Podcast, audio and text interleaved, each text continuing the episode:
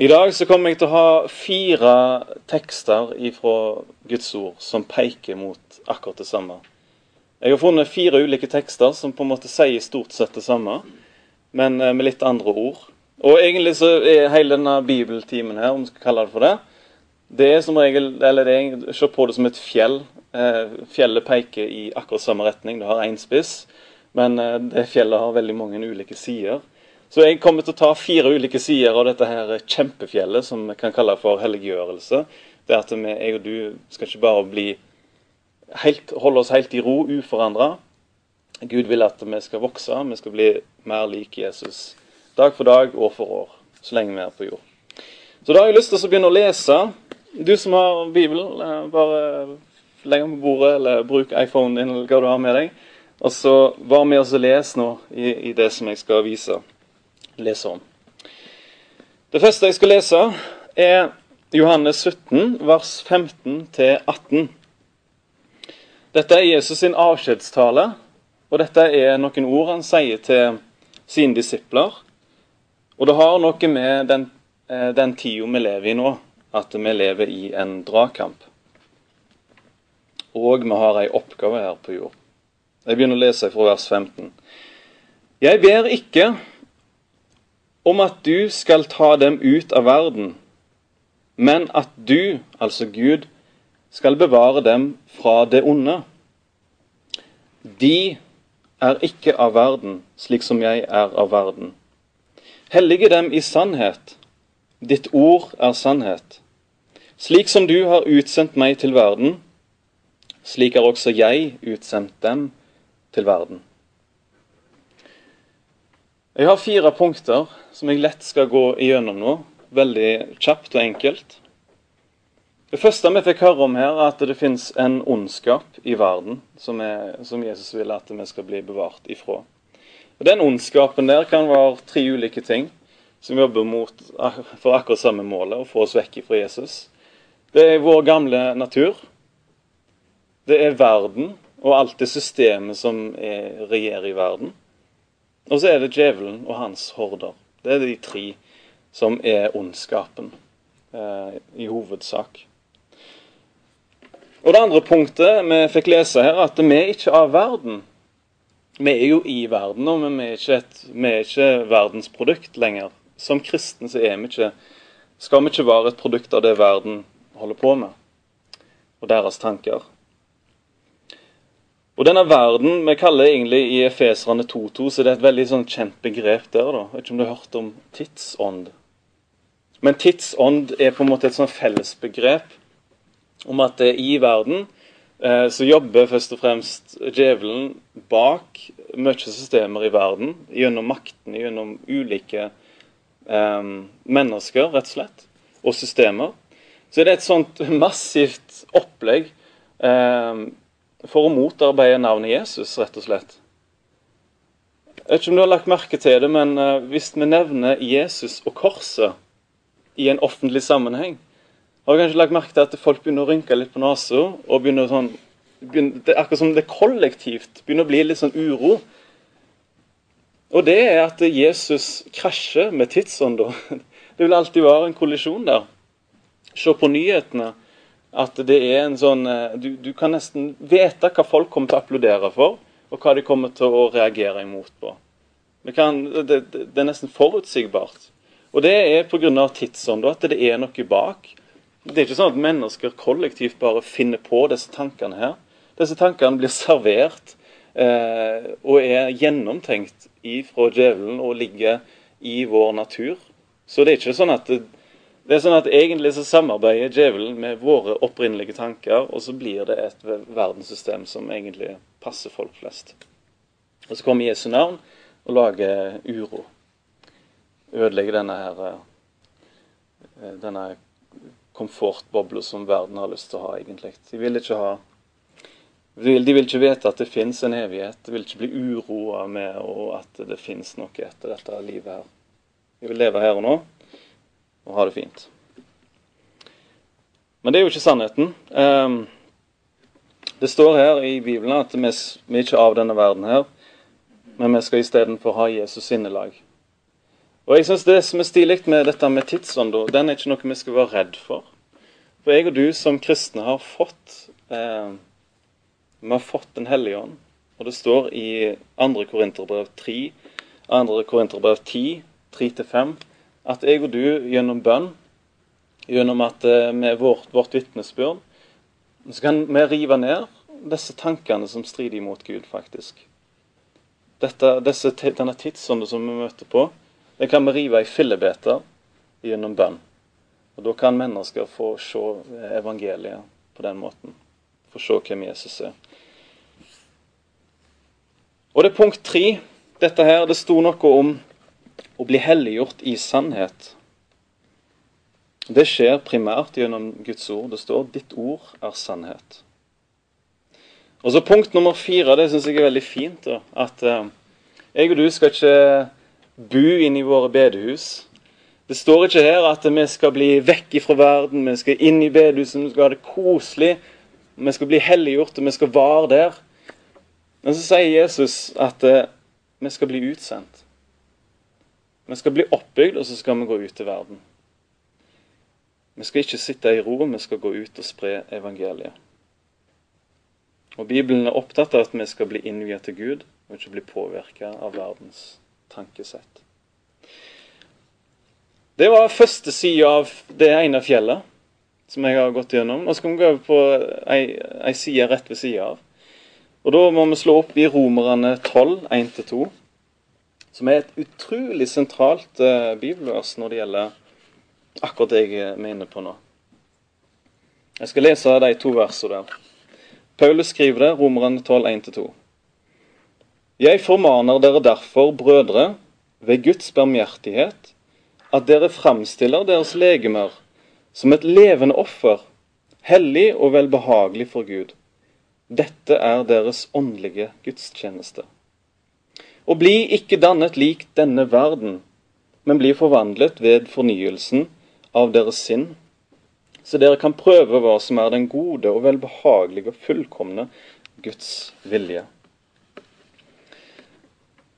Jeg har noen flotte ting å hente ut herifra. Eh, Bibelen er ei gullgruve, og jeg, jeg, ser det alle de skriftstedene jeg har vært innom, så tenker jeg dette her kunne vi holdt på med lenge. Det er så mye rikt å hente. Jeg har lyst til å bare plukke ut noen få ting fra disse versene her som er flotte. Um, det ene er, bare, bare legg, legg, merke til i begynnelsen av verset så står det Jeg formaner dere derfor. Når, når, når ordet 'derfor' i Bibelen står, så må du følge veldig med på sammenhengen. Hva er det Paulus har sagt på forhånd? og hva er det han nå begynner å si. For, for det, han, det, han, nå begynner å si, det er et grunnlag han, han, bygger det på. Og Egentlig så har Paulus nå brukt Romerbrevet kapittel 1 til åtte, Så har han brukt de åtte kapitlene der primært bare til å snakke om evangeliet, og snakke om korset, snakke om grunnlaget med Jesu død. Hva det er for noe, hvordan det setter oss fri. Og så sier han derfor Pga. Jesu død, pga. korset og Guds rettferdighet som er forskjenka Jesus gjennom Jesus. Derfor, ved Guds barmhjertighet, så får vi komme til Han. Det står at vi skal ta vår legeme, ta hele deg, og så skal vi gå til Guds alter og bli som et offer. Vi skal komme til Han som et offer. Det er det første jeg ville bare bemerke her nå at dette verset her, at vi leser å ja, ok, ja, vi skal få komme til Gud, det er jo flott, det. Men da har bare husk det at da har Paulus måttet bruke åtte kapitler for å bare forklare at dette er ikke bare en sånn ah, flott å komme til Jesus. Det er faktisk ganske stort å få komme til Jesus. Og på det grunnlag får vi lov å komme med våre liv. For et privilegium. For en herlighet for, for oss. Og dette offeret her, vi skal fram til Gud som et offer. Vi, vi, skal, vi skal, liksom ikke på offer eh, Vi skal ikke på alteret sånn som et dyr og bli drept og sånne ting, men vi skal med våre liv på en måte gi opp vårt eget liv og overlate oss til Guds vilje. Det er det som er eller meninga her. Og jeg tror at en som vil være en kristen Jeg tror at skillelinja mellom den kristne, om han er en lunken eller om han er en brennende, går på det om han er villig til å gå eh, til Guds alter og la seg ofre. Jeg tror at det der er grensa. Jeg tror at hvis du spør en kristen er du villig til å legge ned ditt liv for, eh, på Guds alter for Jesus, så er det interessant å høre hva svar får du da. Og jeg tror der går skillelinja. Hvis det er noen som holder ting igjen og sier jeg, jeg, jeg må vente litt, og du har, det dukker opp unnskyldninger inni deg med en gang jeg, har, jeg må bli ferdig med det, jeg må gjøre sånn, jeg må leve på den måten litt til. Jeg, jeg våger ikke. Eh, det er skumle unnskyldninger. Og Bibelen viser at det er helt normalt for oss mennesker å komme med unnskyldninger. Men der tror jeg skillelinja går. Det er min overbevisning. At det er der vi ser om, en, om, du er en lunken, eller om du er en brennende. Fram på alteret. Um, og Når jeg leser om det å gå på Guds alter og legge seg sjøl som et offer, så går mine tanker med en gang eh, når Jesus underviser det å ta opp sitt kors. Og Da kan vi lese i Lukas 9, 23-25 om disse tingene her, som har med å legge seg på Guds alter. Dette sier Jesus, kapittel 9, vers 23 ja, 25. Så sa han til dem alle, om noen vil komme etter meg, da må han fornekte seg selv og daglig ta opp sitt kors og følge meg. For hver den som vil frelse sitt liv, skal miste det, men den som mister sitt liv for min skyld, skal frelse det. Hva gagner det et menneske om han vinner hele verden, men mister seg selv eller går fortapt? Hemmeligheten til et rikt Kristusliv er å gi opp sitt eget liv. Så enkelt, så enkelt er det, men allikevel så vanskelig. Um, og dette her med å ta opp sitt kors, det er to ting som er viktig fra denne teksten her. Det første er at det representerer en, lang, en livslang vandring i Jesu fotspor. Det står at vi skal fornekte oss sjøl og ta opp sitt kors og følge Han. En livslang vandring i Jesu fotspor som innebærer å gi avkall på sin egen vilje i livet. Og så står det om noe som Det var et ord her. Daglig, står det òg. Og Det får meg til å tenke at den, det å følge Jesus er, det får oss faktisk inn i at dette gjelder hverdagen.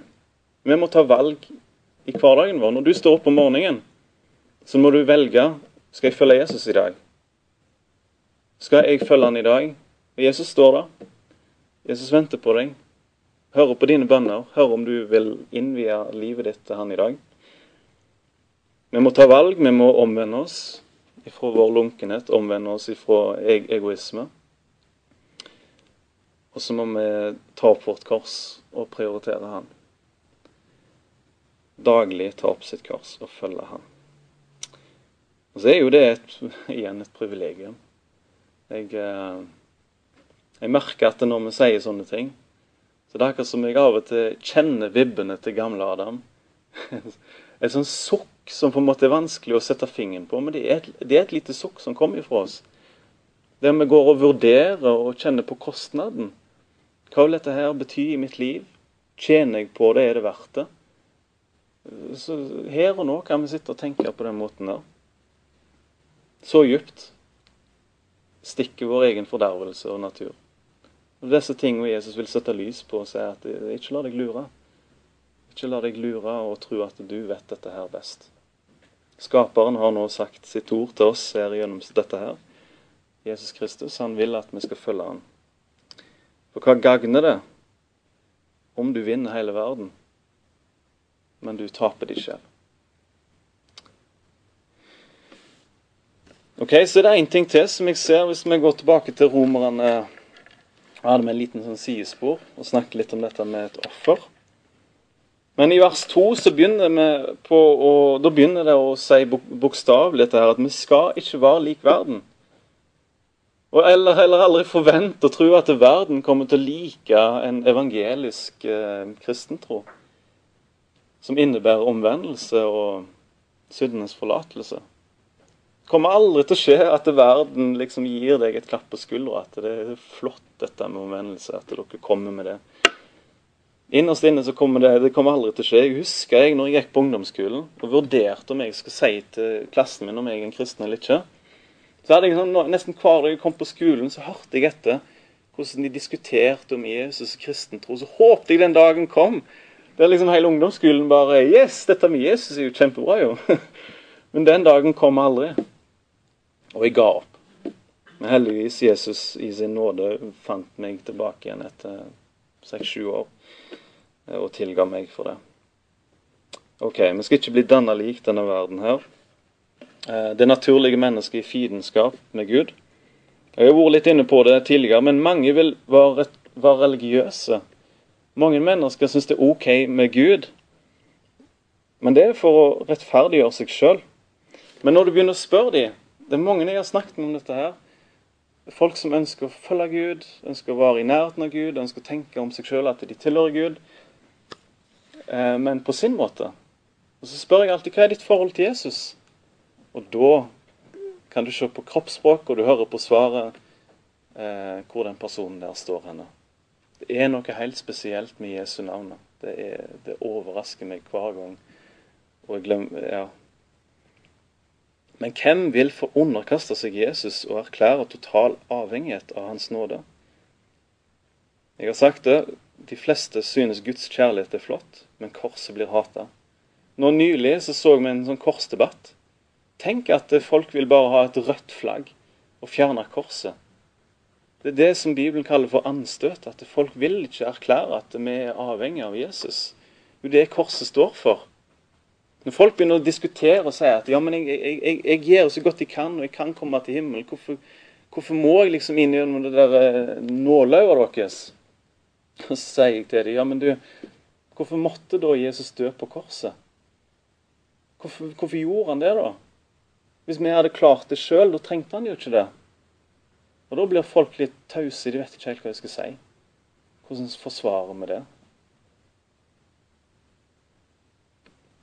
Men dette her med dette her med fiendskap mot korset, det kan vi lese om i Salmenes bok. Dette her er akkurat som å lese om eh, den norske elit, eller liksom akademiske eliten, bare hør på hvordan denne kampen er imot korset i, i Norge. Og så, og så, hør på disse ordene her, og se om du ser en likhetstrekk at det er ingenting nytt under sola. Salme 2, vers 1-4. Hvorfor raser folkeslagene, og hvorfor planlegger folkene det som er nytteløst? Jordens konger stiller seg opp, og fyrstene rådslår, rådslår med hverandre mot Herren og Hans salvede, og de sier:" La oss rive deres bånd i stykker og kaste deres rep av oss. Han som troner i himmelen, ler. Herren spotter dem. Jeg syns faktisk det er litt stilig at Gud, Gud, ler. Av dette her. Håpløst, en håpløs motstand. En håpløs motstand.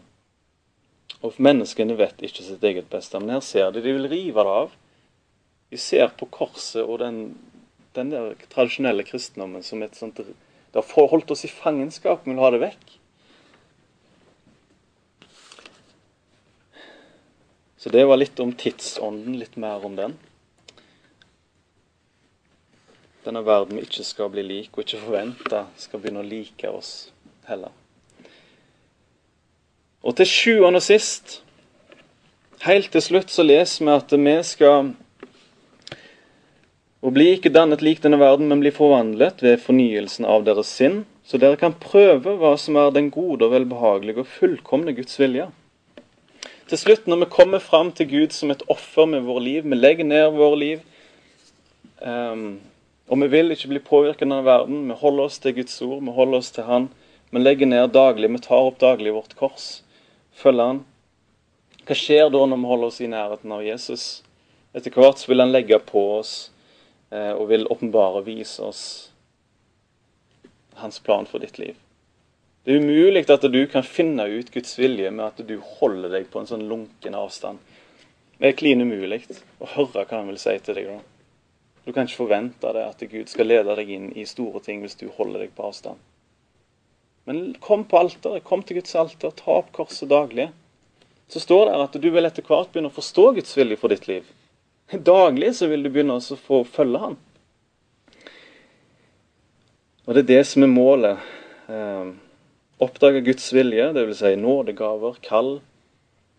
I dag så hadde jeg en samtale med en kar. Jeg spurte han om han ville bli med i, i en slags en ny tjeneste. da.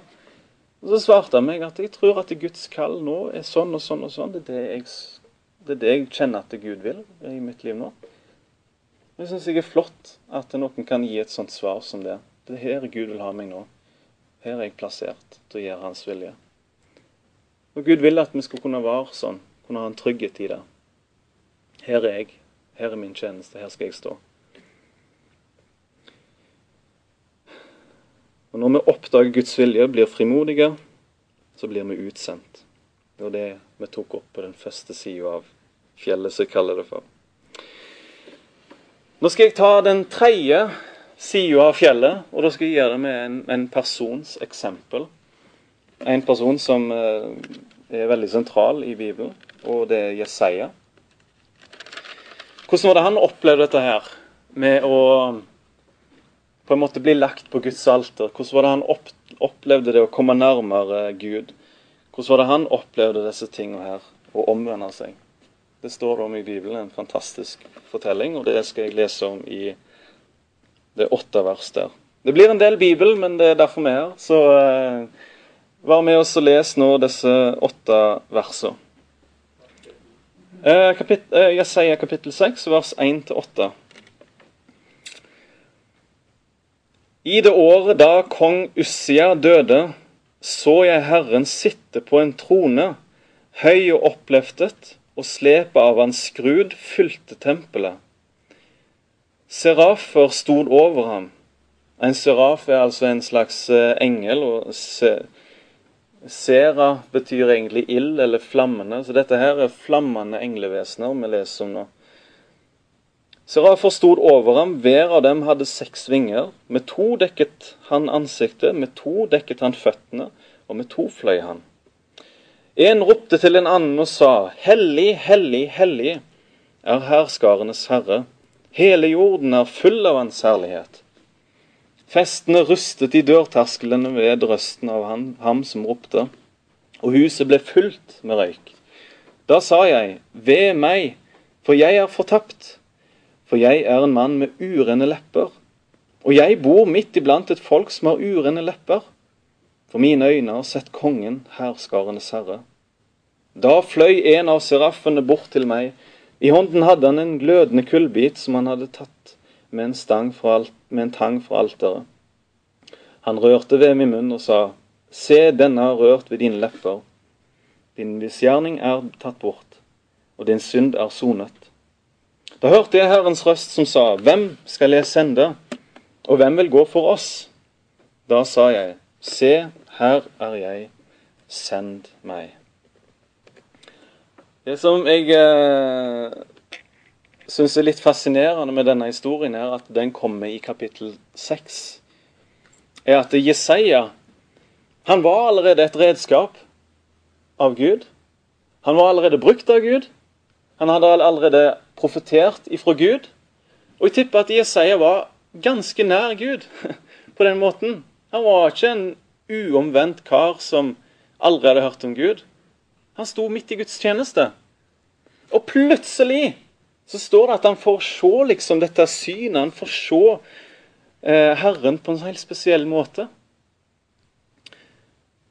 Og så sier òg Paulus eller jeg, jeg, tenker, Når jeg leser at sånn skjedde det med han, så forstår jeg det at eh, han hadde mer å oppdage av Gud, selv om jeg skulle trodd at han var ganske, ganske der oppe. Så plutselig så kommer det en åpenbaring av Gud sier at han blir liksom slått ned på ground zero, på en måte. Han blir helt på null igjen. tenker wow. Et glimt av Gud. Og Paulus sier òg i 1. Korinterbrev 13,9 at vi forstår stykkevis. Her på jorda vil vi aldri få det komplette bildet av Gud. Vi vil aldri se han sånn som han er, men det vil vi gjøre først i himmelen. Jeg og du må ikke gå i den fella at vi tror vi kan Gud. At vi tror vi kan dette her med Jesus og sånt. Så klart vi skal få, kunne ha en trygghet. Vi skal kunne kjenne han og vite at jo, jeg er et Guds barn. 100 Det er ingen tvil at jeg tilhører han. Men vi må aldri gå i denne arrogante fella at vi tror vi kan dette her. Ja, jeg har hørt det, da. Her ser vi et eksempel i Jesaja. Jeg tror han fikk en overraskelse den, den dagen der, for å si det sånn. Ok, Men denne åpenbaringen det kaster et nytt lys på Gud og seg sjøl. Og det kommer meg til punkt to. I det nye lyset som han nå så, så så han tydelig sin egen synd. Han så først Gud, og i lyset av en tre ganger hellig Gud så slo det inn et nytt lys over han sjøl, fikk en ny sjølinnsikt, og det førte til en bekjennelse. Han så sin synd, han så at han hadde brukt munnen på feil måte. Han så at han var i verden. Det står jo her at han var, han var en mann med ureine, ureine lepper. Han var, bodde midt iblant et folk med ureine lepper. Så der kom litt tilbake dette med verdens påvirkning. At vi blir påvirka. Til og med Jesaja var påvirka av verden. Hvis han var påvirka, så tipper jeg at jeg og du òg kanskje har lett for å bli påvirka. Og bruke munnen vår på en sånn måte som vi ikke burde gjort. Le av ting vi aldri skulle ha lett av. Fortalt vitser vi aldri skulle ha brukt i vår munn. Sånne ting som det er bare sånne små eksempler. Men her må han erkjenne at min munn er urein nå. Han så Gud på i et nytt lys. Fikk en ny, ny sjølinnsikt. Han bekjente og ble tilgitt. Og Det alteret vi leser om her, det, det, står for å representere forsoningen og Guds nåde. Det er hovedtanken. Så dette med tungen er ikke noe jeg du må undervurdere. Vi snakker av og til liksom, fra talerstolen blir det ofte nevnt ytre grove synder. Som er liksom Oi, oi, oi, det var, ja, det var fælt. Det, det er bad. Men Bibelen bruker veldig mye tid på å forklare dette med tunga. Og sier at den, den skal vi ikke den skal vi ikke spøke med. Et eksempel med det er hvordan Jakob eh, beskriver tungen. Han sier jo et eksempel på tunga. Se også skipene, selv om de er store og blir drevet av sterke vinder. Dette står forresten i Jakobs brev, kapittel 3, og vers 4, 5 og 6. De blir drevet av sterke vinder. De blir styrt, eller Selv om de blir drevet av sterke vinder, blir de styrt av et meget lite ror, dit styrmannen ønsker. Slik er også tungen et lite lem, men kan likevel tale store ord. Se hvor stor skog en liten ild tenner i brann. Jeg har mange ganger hjemme i Ølensvåg heva ei fyrstikk og, og, sett hvor langt jeg kan gå vekk før det begynner å tenne opp. Det, det, går fort, skal jeg si dere. Det er flere ganger jeg har svidd av håret mitt for å berge skogbranner. Så, så ja, en digresjon. Men det er i alle fall Det går veldig fort. Det går veldig fort. Og så, her, så kommer det tilbake til tunga. Tunga er òg en ild. En verden av urettferdighet. Og tungen har en slik plass blant våre lemmer at den smitter hele legemet og setter naturens gang i brann. Og selv settes den i brann av helvete. Så Bibelen sier egentlig hvis du klarer å temme tunga, hvis du klarer å holde den i sjakk, og klarer å, å, å være tida litt stilt av og til, lytte litt mer og bruke tankene litt mer, da er du godt på vei. Det har Gud behag i. Eh, så det var bare litt, litt om det. Litt om tunga. Men OK, resultatet. Hva var resultatet? Nå går vi tilbake til Jesaja igjen. Han hadde fått tilgitt sin synd. Og så hva er resultatet? Han fikk et dypere kjennskap til Gud. Fikk større sjølinnsikt. Fikk en større ydmykhet. Og til slutt han fikk et fornya oppdrag. Han hadde allerede et oppdrag. Og når han kom nærmere Gud, så fikk han se enda mer. Han fikk enda mer forståelse av hva han skal gjøre. Hans livsoppdrag, hva meningen var med livet. Og han fikk innvie seg på ny. Og Jeg har sjøl opplevd dette her, faktisk. At jeg i møte med Gud Jeg hadde kun tenkt for ni år siden å bli grunnfesta i Jesus. Jeg skulle liksom bli en kristen som ikke vakla i disse grøftene hele tida. Og så tenkte jeg OK, et halvt år på bibelskole. Bare for at jeg ikke skal falle ifra eller falle ned eller hva som helst. Det var den pakken jeg ville ha. Bli bevart. Plutselig så leda det meg til at jeg fikk en sorg over holdninger jeg har hatt i mitt liv. Fikk en sorg over ting jeg har gjort som jeg allerede har hatt før. Og Det førte til en økt avhengighet av Jesus. Og når jeg var, kom nærmere Jesus, så fikk Jesus, når han hadde meg på en armlengdes avstand, da fikk han lagt ting på meg. Fikk lagt nådegaver inn i meg, fikk lagt ting som gjorde at jeg fikk lyst til å tjene. Det var ikke en del av pakken, det var ikke det jeg signerte for. Men det var det jeg fikk når jeg kom nær, nær Gud. Samme skjedde med Jesaja her. Og det var faktisk det verset der som gjorde at jeg begynte i misjon. Jeg sa til Gud OK, se her er jeg, send meg. Og så er jeg her i dag, eh, åtte år senere. Så den teksten betyr mye for meg. OK. Nå skal vi ta den siste delen av fjellet. Jeg er klar for ei side til. For å liksom forklare dette her eh, skikkelig. Sette fire streker under svaret. For å se på den måten. Da skal vi gå til Feserbrevet 4, 20-24. Skal vi se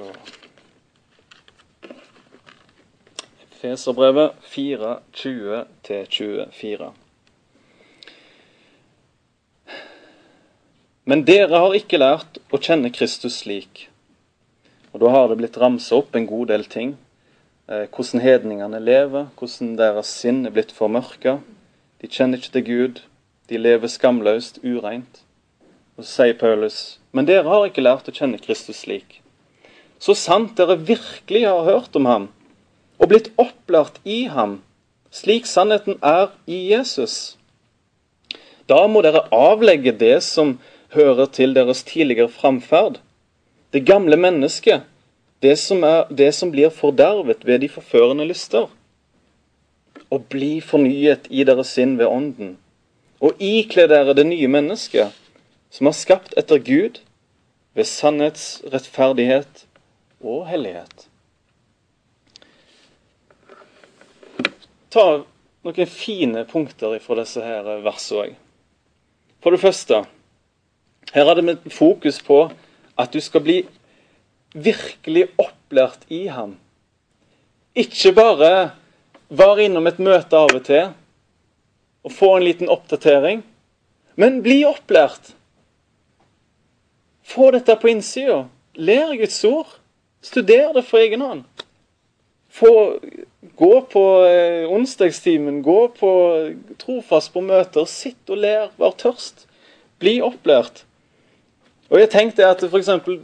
du som kjenner på det at, at mitt påfyll det er da lørdagsmøtene eller kanskje en søndagsmøte. Egentlig så skal vi se på søndags, søndagsmøtene, f.eks. Vi skal se på det som en sånn herlig søndagsrett. Der vi virkelig får servert noe godt denne dagen her. I dag er det fokus på Gud. Vi skal få noe godt ifra Han. Det er søndagsmiddag. Og det er fest. Det er da vi kommer på Salomon, eller kommer på søndagsmøte på MA, eller hvor det går til vanlig, kanskje. Da, når vi kommer på møte, det er for meg søndagsmiddag.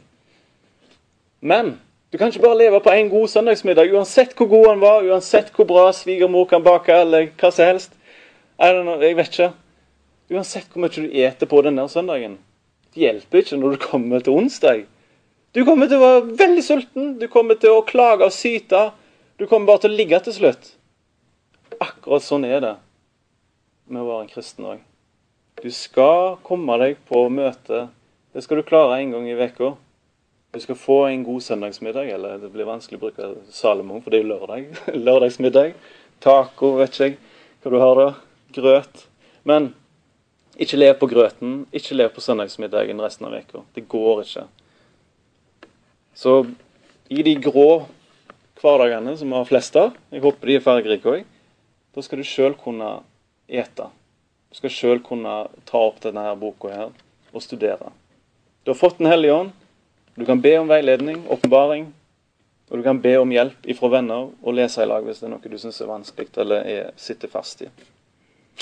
Ok, så Det var det første punktet. Få opplæring. Det står tydelig i Bibelen. Det skal ikke være noe jadi-jadi. Uh, Utvanna. Men god føde.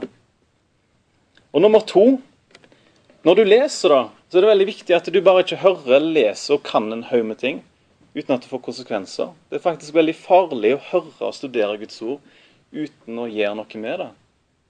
Det fører deg inn i en tilstand som er utrolig farlig. Men det står altså at du skal omvende deg. Videre så står det at du skal avlegge. Når du har fått opplæring, du får vist de ulike tingene, så gi Gud rett, og avlegg det som han viser deg.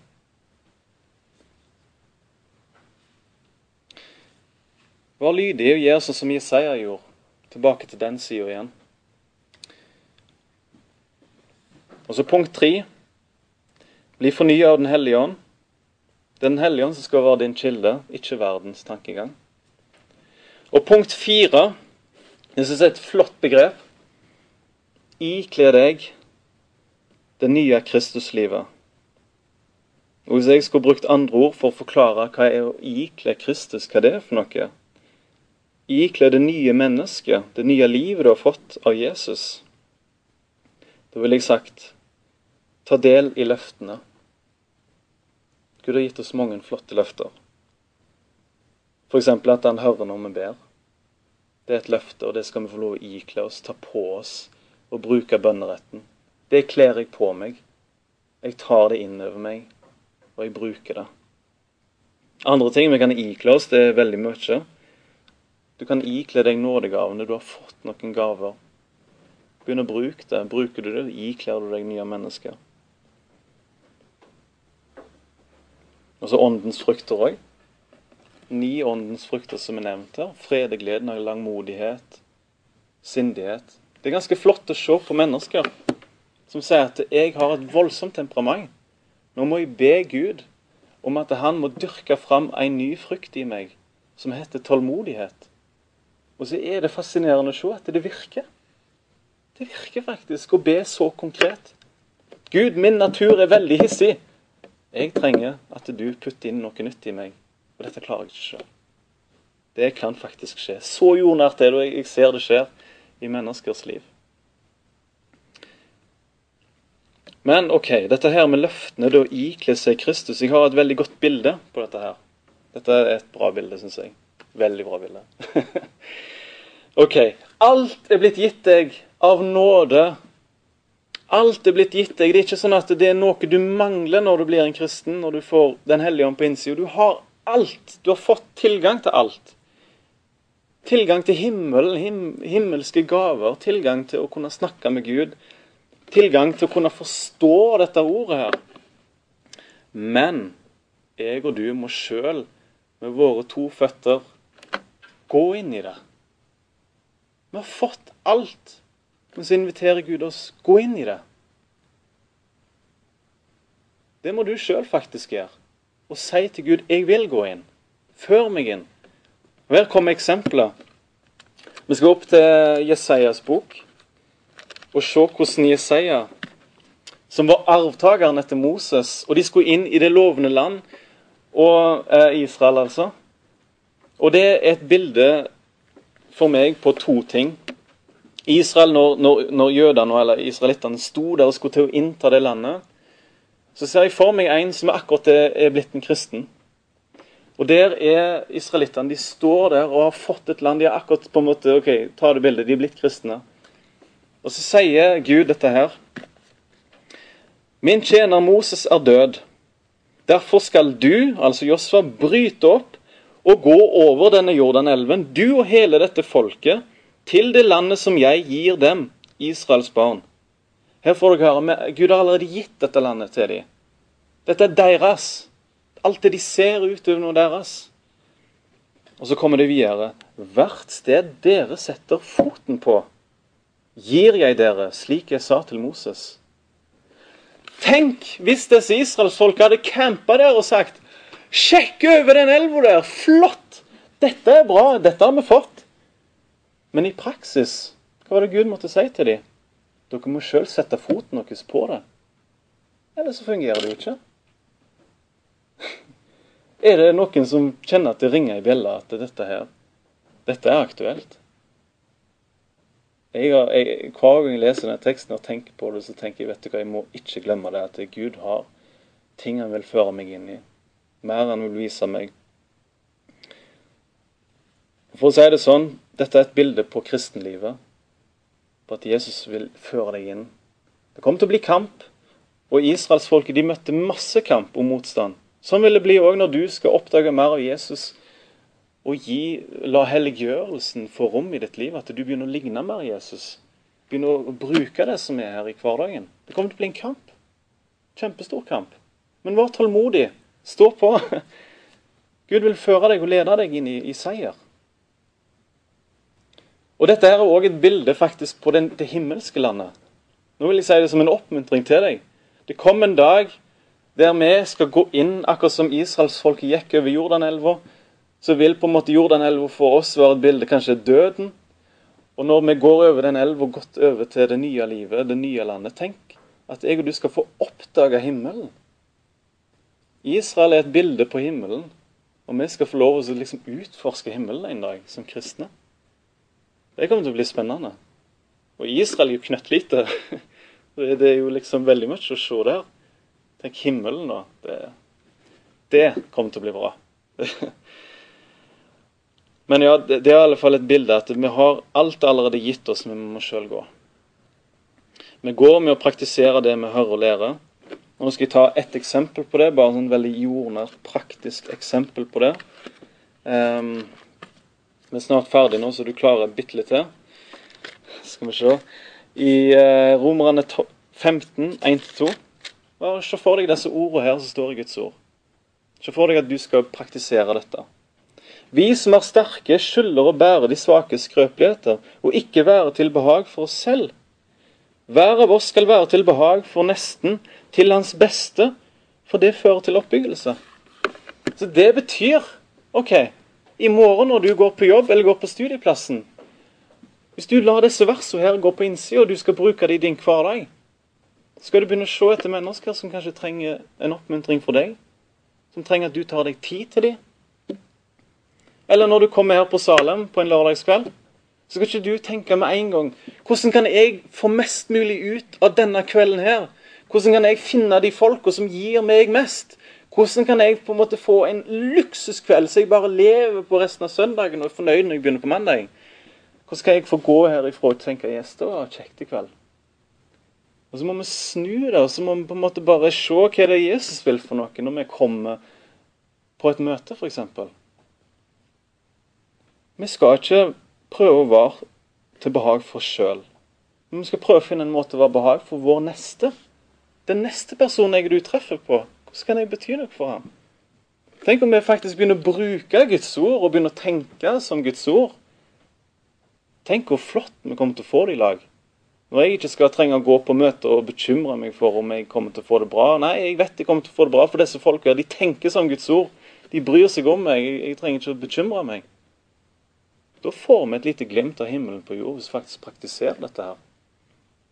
Bare en, to bibelvers som vi skal gå på. Tenk hvor stort det er når vi begynner bare å sette foten på det er ting vi har fått av Gud vi skal få lov å gjøre. Et privilegium. Ok. Helliggjørelse og modenhet kommer nemlig at vi er lydige og bruker Guds ord i hverdagslige situasjoner. Men da sier det seg sjøl at vi bør vite hva som står, og repetere det og repetere, prøve ut og bruke i praksis. Og det siste verset Nå skal jeg lese når vi kom til oss på toppen av fjellet. Og det, nå skal vi lese i Hebreabrevet om noen flotte vers. Hebreerbrevet 5, og det er de siste versene dere skal få høre. Og Nå sier forfatteren av Hebreerbrevet dette her. Eh, han snakker til folk som egentlig burde vært mye mer moden, for de har hørt veldig mye forkynnelse. de har hørt veldig mye, Men de har ikke brukt Guds ord. De har bare hørt det som en fin sang. Ja, fint det. Ferdig. Ingen betydning. Og Så sier forfatteren dette her. For selv om dere på denne tiden burde vært lærere, trenger dere igjen at noen lærer dere hva som er de første grunnsannhetene i Guds ord. Og dere har blitt slike som trenger melk og ikke fast føde. Sånn, By the way, nå så er dattera mi blitt eh, snart ni måneder, og hun eter nesten bare fast føde og kutter ut nesten ikke melk. Det er kanskje ei flaske til dagen. Det er veldig trist nå hvis framover nå at det går omvendt, at du eter mindre og mindre fast før det bare går mer og mer tilbake til melk. Det er jo latterlig. Og Det er akkurat samme bilde som blir brukt her, at uh, dere går feil vei. Dere skulle jo spise kjøtt og god mat. Men dere må ha utvanna ekstra lettmelk for, for å fungere. Og så står det videre i vers 13.: For den som bare får melk, er ukyndig i rettferdighetens ord, for han er et spedbarn. Men fast føde er for dem som er fullvoksne. Det vil si Hva som gjør at en blir fullvoksen? Hva som gjør at en kristen modnes? Nå kommer det. Hva er det som gjør det? Gjennom bruk, gjennom praksis, har trent opp sansene sine til å skjelne mellom godt og ondt. Sånn at Da kan du være en disippel i verden hvis du faktisk eh, bruker det som du lærer. Du anvender det. Og På den måten her så vil du lære hva, hva som er rett og galt i en situasjon. Gud gir deg visdom. Gud gir deg vekst og modenhet. Så du skal stå fast og ikke falle i første motstand. Klart vi faller, det er ikke det. Men det er ikke det som er målet. Gud vil at vi skal stå oppreist. Gud vil vi skal seire i hverdagssituasjoner. Det er det han har sagt. Og det er det han vil. Og det er derfor vi har dette møtet her nå. Et budskap til oss om at han vil at vi skal bli forandra mer lik han, komme til han med våre nederlag. La oss bli fornya og ikle løftene som Gud har gitt oss. Ta de til deg, de er dine. Bruk de. Da vil jeg bare takke Gud, og så be han om at han må gi oss visdom til hvordan vi skal ta dette budskapet her ut i vår hverdag. Ut i morgen. Jesus, takk for ditt ord. Takk at eh, det er et lys i en mørk verden. Takk at ditt ord gir veiledning, og veiledning ned på et hverdagslig nivå. Takk at vi skal få slippe å være som foreldreløse barn, som ikke vet hvordan vi skal leve, som ikke vet retningen på livet. Men takk Gud at du har sendt oss Den hellige ånd, som har lyst til å lære oss nye ting hver dag, som har lyst til å lede oss, og lyst at vi skal sette oss ned med ditt ord og vise oss det vi trenger. Jeg ber om at du må velsigne alle oss som er her. Vi er i samme båt. Vi trenger at du hjelper oss. Vi trenger at du helliggjør oss. Vi trenger at du leder oss alle sammen.